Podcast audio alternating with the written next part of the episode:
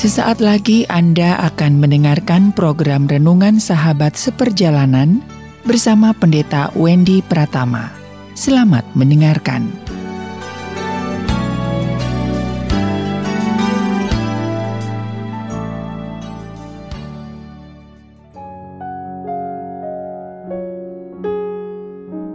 Selamat berjumpa kembali di dalam layanan audio Sahabat Seperjalanan Hari ini adalah hari Kamis 31 Maret 2022. Tema renungan saat teduh kita dengan judul Tipuan Fata Morgana. Tipuan Fata Morgana, firman Tuhan terambil dalam Yohanes 8 ayat yang ke-44. Demikian bunyi firman Tuhan. Iblislah yang menjadi bapamu dan kamu ingin melakukan keinginan-keinginan bapamu. Ia adalah pembunuh manusia sejak semula dan tidak hidup dalam kebenaran. Sebab di dalam dia tidak ada kebenaran apabila ia berkata dusta. Ia berkata atas kehendaknya sendiri sebab ia adalah pendusta dan bapa dari segala dusta. Mari kita berdoa. Bapa yang di dalam surga, dalam kehidupan kami dan para sahabat perjalanan banyak yang terkena tipu dalam kehidupan ini. Dan kami tahu dengan jelas bahwa iblislah bapa daripada segala penipu yang membuat dunia jatuh dalam dosa dan manusia di dalamnya kemudian punya kebiasaan saling menipu. Dalam nama Tuhan Yesus kami berdoa. Amin.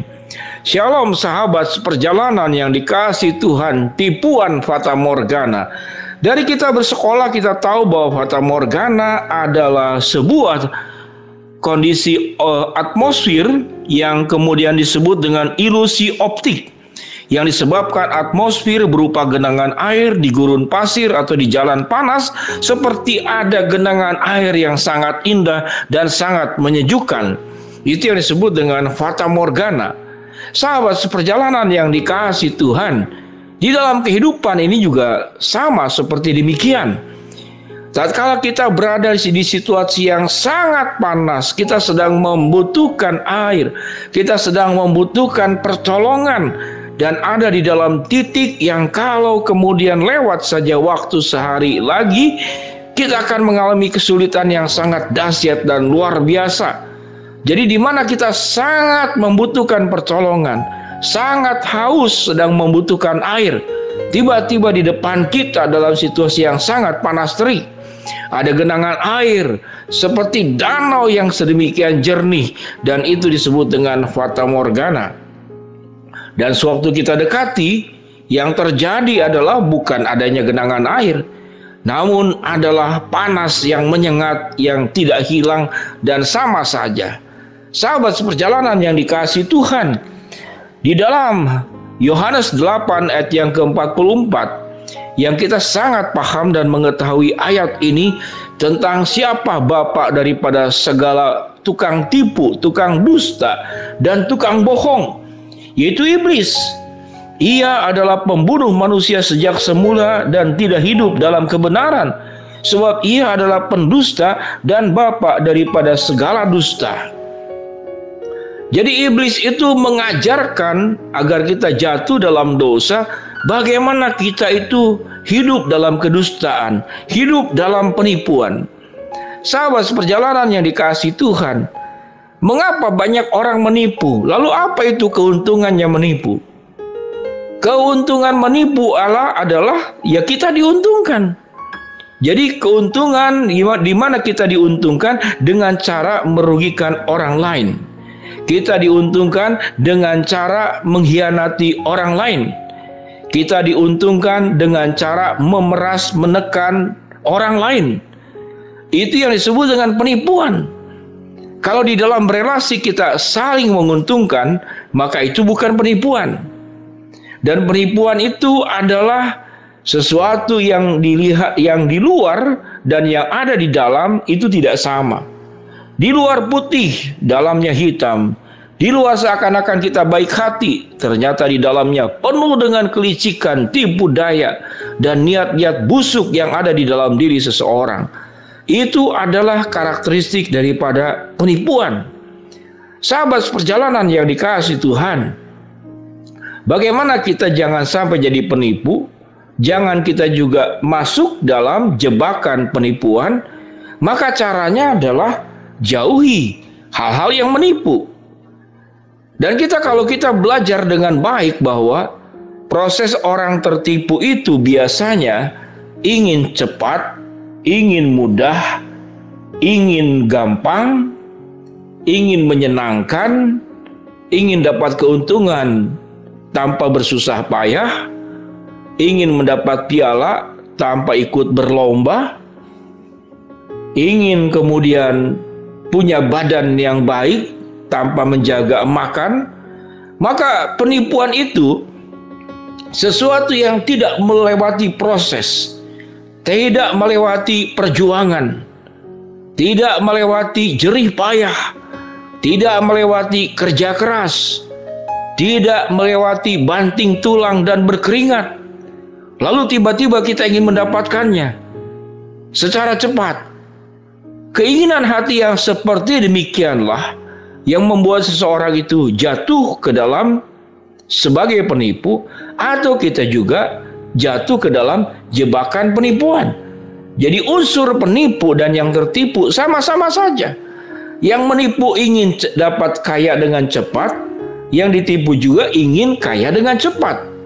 Maka dua-duanya sesungguhnya adalah saudara sekandung, baik penipu maupun yang ditipu. Seorang penipu, jikalau di dalam diri orang yang akan jadi sasaran ditipu, dia memahami bahwa tidak ada kemudahan tanpa perjuangan. Tidak ada katakanlah sesuatu yang bisa diraih tanpa proses.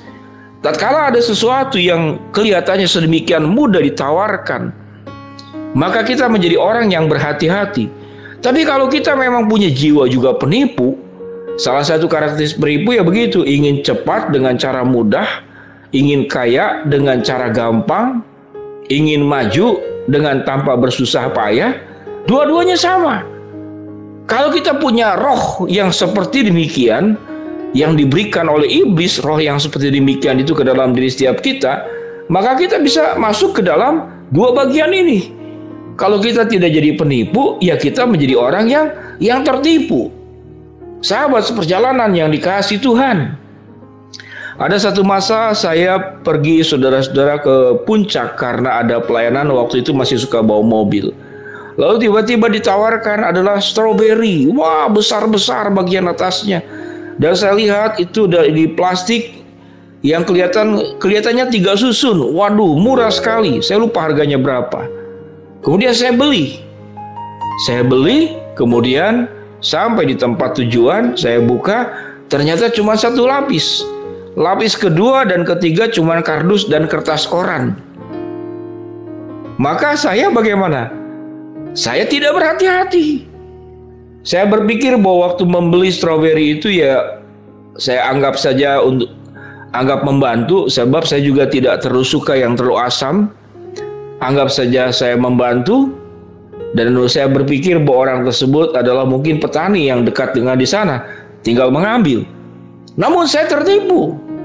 Jadi sesuatu yang murah, sesuatu yang mudah, sesuatu yang kelihatan gampang, itu adalah fata morgana yang berbahaya sekali. Kalau kita tidak menjadi penipu, ya kita menjadi orang yang tertipu. Dengan demikian sahabat seperjalanan berhati-hatilah. Dalam hidup ini semua kehidupan membutuhkan proses kerja keras, membutuhkan perjuangan, jerih payah, segala sesuatunya. Tidak ada yang dengan cara cepat kita bisa berhasil. Dan selebihnya adalah anugerah Tuhan yang hanya akan diberikan secara gratis kepada kita semua. Mari kita berdoa. Bapa yang di dalam sorga, hamba mau berdoa buat sahabat perjalanan yang sedang sakit Tuhan jamah sembuhkan, yang sedang menghadapi masalah Tuhan bukakan jalan, yang sedang memohon berharap sesuatu Tuhan akan kabulkan sesuai dengan waktu rencana dan kehendakmu. Tolong kami ya Tuhan para sahabat seperjalanan, jangan jadi penipu, jangan juga jadi korban penipuan. Hidup ini keras, hidup ini sulit. Kami harus berjuang, kami harus melewati dengan campur tangan dan pertolongan Tuhan. Dalam nama Tuhan Yesus kami berdoa. Amin. Shalom sahabat seperjalanan yang dikasih Tuhan, Tuhan memberkati kita semua. Amin.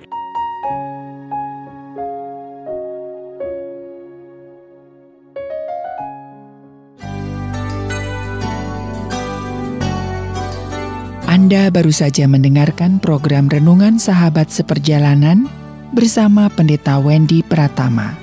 Terima kasih atas perhatian Anda. Tuhan Yesus memberkati.